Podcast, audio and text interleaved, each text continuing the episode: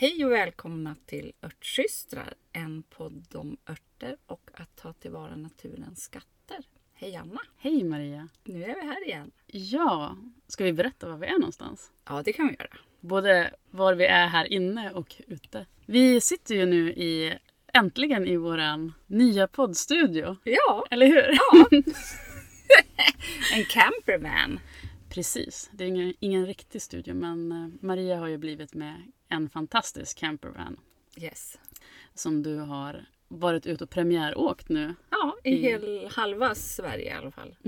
Berätta vad, eh, vilken eh, var den största upp, örtupplevelsen på eran premiärtur? Det var utan tvekan när vi var i fjällvärlden och det växte kvanne längs vägrenen precis som det typ växer lupiner. I, alltså hur mycket som helst. Det var sådär wow. Alltså jag såg ju bilden som du la upp på var det stories. Ja. Helt makalöst. Och det var hur mycket som helst. Och vi bara stannade till liksom längs vägen och det var ett hav. Eh, så det var den starkaste örtupplevelsen. Eh, sen tyckte jag det var lite roligt att se både Nordisk stormhatt och torta live. Eh, liksom på sin växtplats. Det har jag aldrig gjort tidigare. Så det var kul. Men kvannen vann. Kvannen vann. Och nu sitter vi ju här. Eh, campervanen är parkerad på en äng som är ganska full av styvmorsviol. Ja, det är den. Vi är i Gåreleselet och har eh, varit på bröllop Yes. med, hos vår, eh, en av våra örtsystrar, Shea, som har gift sig. Så vi passar på att spela in ett avsnitt helt enkelt. Mm. Idag ska vi prata om squash tänkte vi. Ja, vi lovade det sist i alla fall. Eh, för det är ju en sån där... Ja, alltså vi håller ju inte bara på med örter utan vi odlar ju grönsaker själva också. Så det kanske är, är värt att nämna. Precis. Podden heter ju Örtsystrar, en podd om örter och att ta hand om naturens skatter. Och den där gränsen mellan ört och grönsak är ju ganska flytande. Helt klart. Och, och även eh, begreppet ört använder vi ju ofta i en ganska vid definition. Att vi, när vi pratar om det så menar vi växter som vi kan använda för att må bättre. Ja. Och så är det ju med, med grönsaker. Att de, de, de, det vet vi ju. Det är inte ens kontroversiellt att grönsaker mår vi ju bra av att äta. Sen så kanske man inte använder dem örtmedicinskt. Men vissa av dem kan man ju göra. Precis. Och squash eh, är ju just nu i ett sånt överflöd så att det är nästan så att vänner och bekanta inte ens vill ha mer av squash. Alltså det produceras så mycket att det knappt går att ta hand om. Men vi ska ändå försöka eh, ge några tips. Precis, för det var ju så här när vi, vi spelade in några poddavsnitt hos dig i maj. Och då hade du några plantor över som jag eh, förbarmade mig över.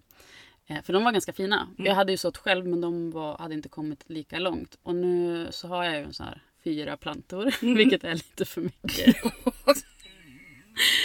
Så jag, jag sa det ganska tidigt till dig att ja, men vi, jag tycker vi ska ta ett avsnitt och prata om vad gör vi egentligen med all, all squash. Och, för saken är ju den Maria att du är ju ganska duktig på att eh, konservera och ta tillvara på det du odlar. Yes. Så vad gör du med all squash? Ja, jag gör ju väldigt mycket snålröra som eh, Sara Bäckmo eh, är känd för att ha hittat på. Eh, en toppen fiffig sätt att ta hand om squash. Att göra det till en liksom härlig eh, pastasås som man kan använda till nästan vad som helst under vintern som är liksom fullsmockad med grönsaker. Och att den heter snålröra är för att du vill snåla på tomaterna men du har alltid väldigt mycket squash eller zucchini. Så det gör jag rätt så mycket och eh, fryser in. Jag har fryst in fram tills nu men i år har jag tänkt att testa att eh, konservera. Okej. Eh, för att ha det liksom i, som att man bara kan gå och hämta en konservburk. Och då är det en konservburk med snålröra Ja. som du konserverar? Mm. Precis. Ett, eh, ett annat recept av Sara Bäckmo som jag brukar använda mycket är hennes vita pizzasås som eh, består av riven squash och sen så har man i lite tomatpuré så det, den får ändå en liten tomatsmak. Och den, vi använder ganska mycket av den just till pizza under stora delar av året och det är till och med så att barnen jag har ju inte informerat dem om att det är mest bara squash i den här såsen. Men det är alltid så att det är de gånger vi har använt dem som de är så här extra bara Åh vad gott pizzan var idag mamma, det var så himla gott. Ja, du ser. Eh, Så det är ett tips att eh, kolla in det på hennes blogg. Den, man- det är bara att googla receptet, den, den finns ju där. Fantastiskt lättgjord och väldigt användbar och det är hur smidigt som helst att ha och ta fram under Absolut. vintern. Ja, eh, så har man squash, gör mycket. Men eh, du nämnde ju det här med att konservera, vilket är jättespännande. Och det ska vi prata om i ett annat avsnitt Mm, det ska eh, senare i höst. Och jag har det lite som mission att i år är året och även jag ska börja konservera. Jag försökte förra året, eller jag försökte inte men du höll på att peppa mig förra året så att jag har köpt alla grejer jag behöver. Yay! Och i år så, nu är jag verkligen, jag har, kommer få en enorm eh, tomatskörd. Ja, jag har ju tvingat dig att odla eh, sådana tomater också. Mm. Mm. Så eh, ja, och det känns ju bra nu i orostider att fylla källaren med, med tomater. Men du syrar ju ganska mycket Ja. också. Eh, och jag undrar, brukar du syra just squash? Eh, jag har bara testat det en gång och jag tyckte inte att det blev så himla bra. Nej. Eh, jag tror att det är squashens struktur Ja. som gör att den inte riktigt pallar med den processen utan det blir liksom, Bara mjöligt. Liksom. liksom sladdrigt. Mm. Men jag kan ha gjort något fel så att jag kommer ändå testa igen. Mm. Kanske man gör det i kombination med något, något bitigare. Ja, jag tror det också. Mm. Eh, att man gör som en, liksom en, alltså en blandning Mm. så tror jag det blir svingott. Och där tänker jag också på det som jag alltid gör fel med squashen. Det är att man blir ju lite överväldigad när det börjar bara spruta ut. Men att det bästa är ju faktiskt att skörda den ganska liten. Mm. För då är den fast och den är godare. Och när de drar iväg och blir tjocka så blir de ju fröiga och korniga och hårt skal. Ja, jag läste en sån här grönsaks eh, någonstans på något internet eh, 10 centimeter squash Mm. är liksom, då är de optimala. Ja, och det är väl kanske också lite det att, som gör också att folk ledsnar på dem. Att man, problemet är egentligen inte squash i sig utan att vi tvingar på varandra squash med eh, låg, låg kvalitet Mm. och som liksom har förlorat sina smakegenskaper och blivit hård. Och... Ja, det tror jag också. Eh, sen kan du ju äta blommorna om du känner att du vill liksom begränsa. Precis, i så preventivt syfte. Det är ju faktiskt väldigt gott Det är väldigt fritera. gott. Ja, Mm. Eh, Då doppar man ju dem i frityrsmet och Mm. så friterar peta man. ut pistillen och doppar och friterar. Eller steker. Mm, det är super. Det är super. Gott. Och vill man ha squash då, då får man ta hanblommorna. Det kanske vi ska berätta, för det får jag ofta frågan. Mm. Eh, hur du ser vilken som är hanblomma och vilken som är honblomma på Ja. en squash. Hur gör du det? Eh, Det har jag ingen aning om. Gör du inte? Nej, jag bara vet att alla blir inte. Nej, okej. hanblomman sitter bara på liksom en pinne. Okej. Eh, som en, liksom en liten slang bara. Och Ah. honblomman, där ser man liksom ett litet embryo till gurkliknande form. Eh, på, liksom, i fästet. Så då kan du se att det där kommer att bli en squash så småningom. Och hanblomman har bara som en lång tarm. Okej. Så då om man både vill ha squash men även vill äta blommor, då är det hanblomman man tar och friterar. Precis. Och, och de, alltså den som sitter på en liten slang. Exakt. Och blomman som sitter på där det finns ett fruktämne, den låter man vara. Ja, så blir det en squash så småningom. Men eh, okej, då har vi konstaterat att man kan kanske syra den. Jo, men det man kan man. Jag kom kombo. på, vad heter hon, eh, eh, sur, syramästaren? Surtanten? Surtanten. Heter hon det? Ja. Ja, jag kommer inte ihåg. Jenny Nykel Just precis. hon. Hon har ett recept, kommer jag på nu, där hon syrar och då har hon rivit squashen. Mm. Eh, så att det blir liksom som en relish. Ja, Ja, just det. Men hon, har hon någonting annat i den också? jag kommer inte ihåg. Och jag har inte boken här. Nej, precis. Vi kanske kan lägga ut någonting om det. Ja, eller ställa frågan. Eh, av, ni, ni som lyssnar, är det någon som syrar squash med gott resultat? Ja, berätta Eh, gärna. Berätta gärna. Eh, skicka ett eh, DM på Instagram till oss eller skriv en kommentar i, i eh, inlägget som hör till avsnittet. Vi tar tacksamt emot Ja. tips. För man vill ju inte... Alltså det är ju ändå fantastiskt den här fruktgrönsaken som sprutar ut ur våra plantor. Och man vill ju gärna ta tillvara det och, och inte bara låta det förgås.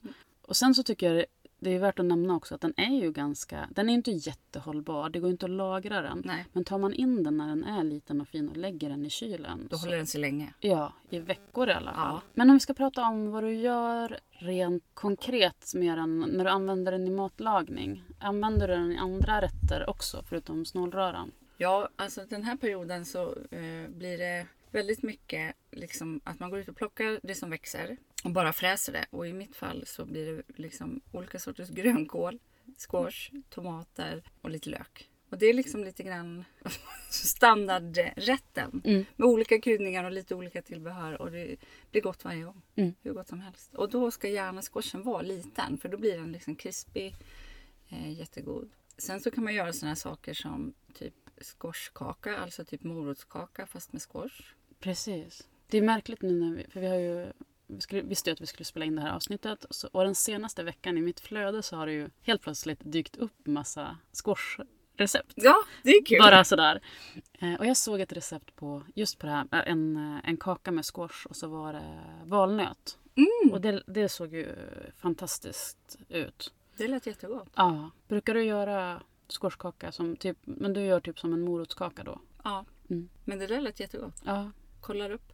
Mm, jag kan skicka den till dig. Jag Tack. kommer inte göra den själv för att jag har jag har ett barn som är aller, eller överkänslig mot valnötter. Ah, Inte super, men hon är, onödigt. Och, ja, men hon också, är också gott i grisen i familjen. Så det är typ höjden av grymhet. Nej. Så jag, ja, jag bara suktar efter den lite på avstånd. jag får baka den en dag när du kommer hälsa på nästa gång. Ja, men det låter som en Ja, bra ja. plan. En annan intressant grej som jag såg på Instagram det var ett recept där de gjorde som en, en squash tortilla. Och det blev som en mjuk tortilla som hon ja, men, menar på det här kan man använda och fylla allt möjligt med. Ja, för vi gjorde eh, för inte så länge sedan typ en squash pizzabotten. Ah! S- eh, lite grann samma grej. Ja, precis. Eh, som vi toppade då med typ pizzasås och ost. Det blev hur gott som helst. Och hur gjorde du den? Eh, mm, jag tror det var squash. Eh, såklart. Nej men det var squash, ägg, någon typ av mjöl som jag inte minns riktigt Mm. vad det var. Kanske någon liten skvätt bak. Jag kommer inte riktigt ihåg receptet. Mm. Men, Men det var ändå lite mjöl i Ja, den, det var lite mjöl botten. och lite Mm. ägg. Vilket sorts mjöl det var, det kommer jag inte ihåg om det var kanon. Ja. Men jag känner nästan att det borde ha varit vetemjöl för att få bindningen. Ja, för i det här receptet så tror jag inte att det var något vetemjöl utan jag för mig att det var riven squash som hon saltade så att den vätskade Mm. ur och så kramade hon ur den.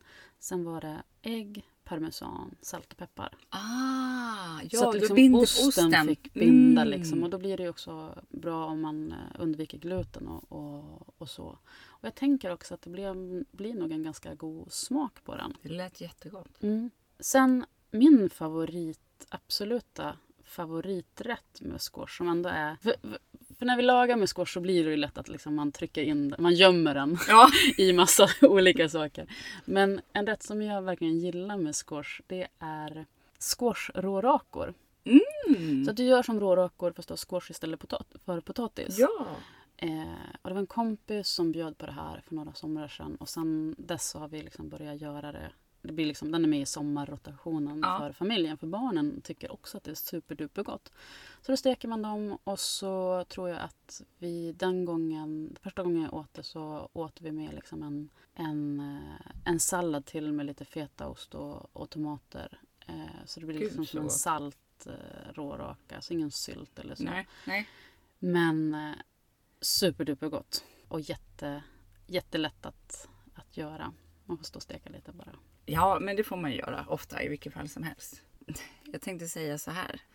Att vi kan, nu kanske vi kan ha pratat färdigt om squash. Eller vi kan liksom glida över lite eh, från mat till vad squash egentligen är för slags växt. Precis. För vi, vi sa ju innan i början att gränsen är ju ganska flytande mellan vad som är en, en ört och en grönsak. Och ur ett örtperspektiv så kan ju squash vara lite intressant. Helt klart att du berättar om. ur ett örtperspektiv kan ju squashen faktiskt vara lite intressant. Eller kanske inte, det är inte direkt så att det, ja, man, an- man använder squash för det här och det här. Men den tillhör ju faktiskt gurkväxterna. Och gurkväxterna har ju en, en kylande kvalitet. Förutom den uppenbara gurkan så tillhör ju ja, men squashen hör dit, men även eh, melonen Mm, pumpa. och pumperna. Och eh, det här med kylande kvalitet, det, här, det är ju lite... Vi har inte varit inne på det tidigare. Och det är ju lite så här, inte överkurs, men det är ju en, en aspekt av örtkunskapen som man lär sig om när man har börjat lära sig lite mer. Men det kan ju vara bra att ha, vara medveten om det, att örter har olika kvaliteter. Att vissa är Värmande. och vissa är kylande, som gurkväxterna. Kan du ge ett exempel på en, en värmande Ingefära. ingefära? Så man kan ju, det kan man ju, för att få känsla för det här, och det, det är ju någonting som kan vara lite, lite svårt, så kan man göra ett te på ingefära och ja, men smaka på det, känna efter hur det känns i kroppen. Och sen kontrasterar du det med att bita i en bit vattenmelon eller en gurka. Då känner man ju verkligen den kontrasten, liksom, Mm. de två extremerna. Vilka andra kvaliteter kan örter ha förutom varma och kalla? Fuktiga. Och torra? Torr, just precis. Torr, naturligtvis. Ja, men de kan ju vara fuktiga också. Alltså att det är de Ja, som, ja, ja. som är fuktande. Mm. Och då är det ju så att... Och det är just därför vi, man brukar säga att man kan inte ta bara en ört och säga att den här är jättebra för det här, för alla. Utan vilken ört som kan hjälpa dig för en viss åkomma beror också på din konstitution, vad din, hur du, din kropp är. Om du är en varm person eller om du är en kall person. Men också hur den här åkomman tar sig, uttrycker i din kropp. Ja, precis. Hosta kan ju vara liksom torr eller fuktig. Mm. Eller både. Alltså det är lite... Ja, Och även om du, är, om du känner dig eh, lite småsjuk så kan, det, kan ju den, den känslan ha en, en känsla av kyla men även en känsla av hetta. precis. Och därför så finns det inte heller liksom en, en enda ört som alltid funkar vid. När man håller på att känna sig... Nej, precis. Utan det beror på... Där är, tycker jag ett exempel som jag gör är lite bra. Det här är vad som funkar för mig. Mm. Att om jag känner mig sådär att jag håller på att bli sjuk, börjar få feber, känner mig liksom lite varm bakom ögonen. Då tycker jag att älggräs funkar helt fantastiskt Mm. på mig. Men om jag har den här känslan av att jag är lite frossig, liksom, då tycker jag fläderblommor eh, funkar bättre. Det är på mig. Mm. Eh, jag har ingen liksom, bakgrund till det, utan det är bara erfarenhetsbaserat. Eh, men det tycker jag är ett bra exempel på att, att det är olika. Så det är liksom inte varje gång jag får feber tar jag alltid det, utan det beror på också känslan i kroppen. Ja, och det är ju också lite klurigt det här med att ta reda på vilken kvalitet en ört har. För inte alla örtböcker anger det. Och om du börjar titta efter det så kommer du snart att se att det, du, får, du hittar motstridig information om vissa örter. Och det har ju också att göra med att det här är en, en upplevelse i kroppen. Mm. Och då blir ju den påverkad av din konstitu- konstitution. Exakt. Så att, ehm, och det är så här häftigt hur, hur den här viktiga komponenten i örtkunskapen tvingar oss bort från boklärandet och, och in i, i upplevelselärandet. Ja, känslan. Ja, att man måste testa och ta sig tid att känna in och ja, men lyssna på sin egen kropp och känna, försöka hitta vad, hur påverkar den här mig. Men också att, att eh, ta reda på hur är det för andra. Exakt. Och först efter att du har gjort de två bitarna så... eh, Kan du börja lägga pusslet i dig själv? Ja. För att då blir det liksom, då sätter sig informationen mer som en nästan intuition. Mm. Mm. Men eh, gurksläktet är ju... Man, vi ska ju inte säga att det inte är någonting som används örtmedicinskt. Det finns ju en av de här eh, i gurkfamiljen som faktiskt... Eh, Anses vara eh, terapeutiskt. ja. Pumpakärnor Mm, från en speciell sorts pumpa. mm, precis. De är mest bäst för män, killar. Eh, för att stödja prostatan. Precis. Och då är det, de är ju också, det är inte bara att de innehåller ett, ett specifikt verksamt ämne som, som är prostataskyddande, det gör de, men de är ju också väldigt näringsrika och Mm. innehåller väldigt mycket zink som är viktigt att eh, just för att undvika den typen av, av problema- problematik. Men de är ju också bra för, för oss alla. Så det är en sån här grej som jag ser till att alltid ha med i min kost. Att äta en sked pumpakärnor. Ja, men på ett eller annat sätt. Ja, då, då behöver man inte bekymra sig för att man får i sig för lite zink. Och sen så är det ju bra med fibrer och så också i dem. Och så tycker jag att det är grymt gott. Jag med. Och jättegott i bröd. Ja. Och jag har alltid i det när jag gör typ så egna müsli kolioxer. Mm. Mm. Och sen är det ju supergott att, att rosta dem. Ja, eh, nästan så att de poppar. Om man, som nu, eftersom vi odlar mycket. På tal om det, en annan sak eh, apropå squash och mat som jag har ätit hos dig. Eh, som inte var den här eh, basrätten som du har, att man fräser på eh, squash och det, tomater och kål och det som finns. Utan jag har också ätit den i, i salladsvariant hos dig. Att du har gjort en sallad med de ingredienserna Mm. och så tunt skivad eh, squash. Mm. Supergott. Och så hade Magnus gjort någon fantastisk sås till den gången. just det. Eh, men nu då, det är ju mycket sånt man, man fräser på eller man gör en sallad. Eh, sommaren är ju verkligen salladssäsongen nummer ett. Men det blir ju lätt att det blir liksom väldigt, det är samma konsistens, liksom den här grönsakskonsistensen. Där tycker jag att det är jättegott att slänga på en näve pumpakärnor. eh, Naturella eller rostade för att få, ge en liten, liten smakbrytning. Och strukturförändring lite grann. Mm. Ja, lite crunch liksom. Ja, precis. Allting blir ju godare med lite crunch. Allt som är krispigt är gott. Mm. Precis. Eh, Sa en kock till mig en gång. Mm, så är det. Jag håller nog med. Men med det så ska vi väl börja runda av. Men vi brukar ju avsluta med tips. Vi tänkte utmana er att eh, prova, leta reda någonstans någon, så finns det en varm ört och en kall ört och eh, prova på skillnaden och känna liksom, upplevelseskillnaden i kroppen. Alltså det är vårt tips den här veckan. Testa en varm och en kall ört. Mm. Och för att få, få en, en känsla i kroppen för den dis, distinktionen. Vi kan ju faktiskt göra så att vi lägger ut ett inlägg på våra Instagramkonton med lite förslag på varma kalla örter. Det var en bra idé. Så blir det lätt att, att Ja. testa. Det gör vi. Och så berätta gärna för oss hur ni upplever. Eller hur du upplevde det. Mm. Mm. Med det så tackar vi väl för idag. Men vi ska också säga vad vi ska prata om nästa vecka.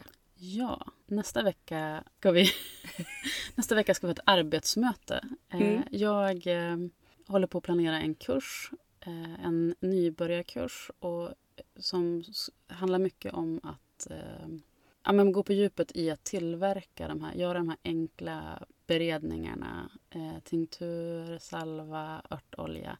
Men att man verkligen får lära sig det från grunden, får möjlighet att ställa alla frågor som man har kring det så att man verkligen sätter det. Och tanken där för mig har varit att det här ska vara kursen som jag önskar att jag hade gått innan jag gick kursen läkeväxter på Hola. Vi lärde ju oss det där också. Men den kursen är ju så fantastisk, stor och, och bred och djup att jag önskar att jag hade haft de, de kunskaperna redo redan. Så att jag Mm. liksom hade det, det hade jag med mig i ryggsäcken. Mm. Och då hade jag liksom fått ut mer av den fördjupande kursen. Jag håller med. Hur som helst så vill jag ju ha med, tänkte jag att om vi ska jobba med under den här kursen ska vi jobba med en handfull örter. Och då vill jag välja ut de fem mest användbara örterna. Jos, hej du! Och det är ju liksom, eh, ja men det är som att fråga en mamma om vilket barn som är hennes favorit. Så jag, till slut så kom jag på att nej men jag måste ju ta det här med Maria och sen insåg jag att ja men det får bli ett avsnitt. Yes. Så det ska vi prata om nästa gång. Mm. Tror du att vi klarar att ringa in fem? Ja, vi får se. Ja, det kan bli så att det blir en så Instagram-omröstning sen. Mm. Eller en lottdragning. Eller att jag får kapitulera och ha Säga- sex Ja, stycken örter. Det blir spännande. Fortsättning följer. ja fortsättning följer. Men hörni, vi hörs nästa vecka. Det gör vi. Hej då! Hej då!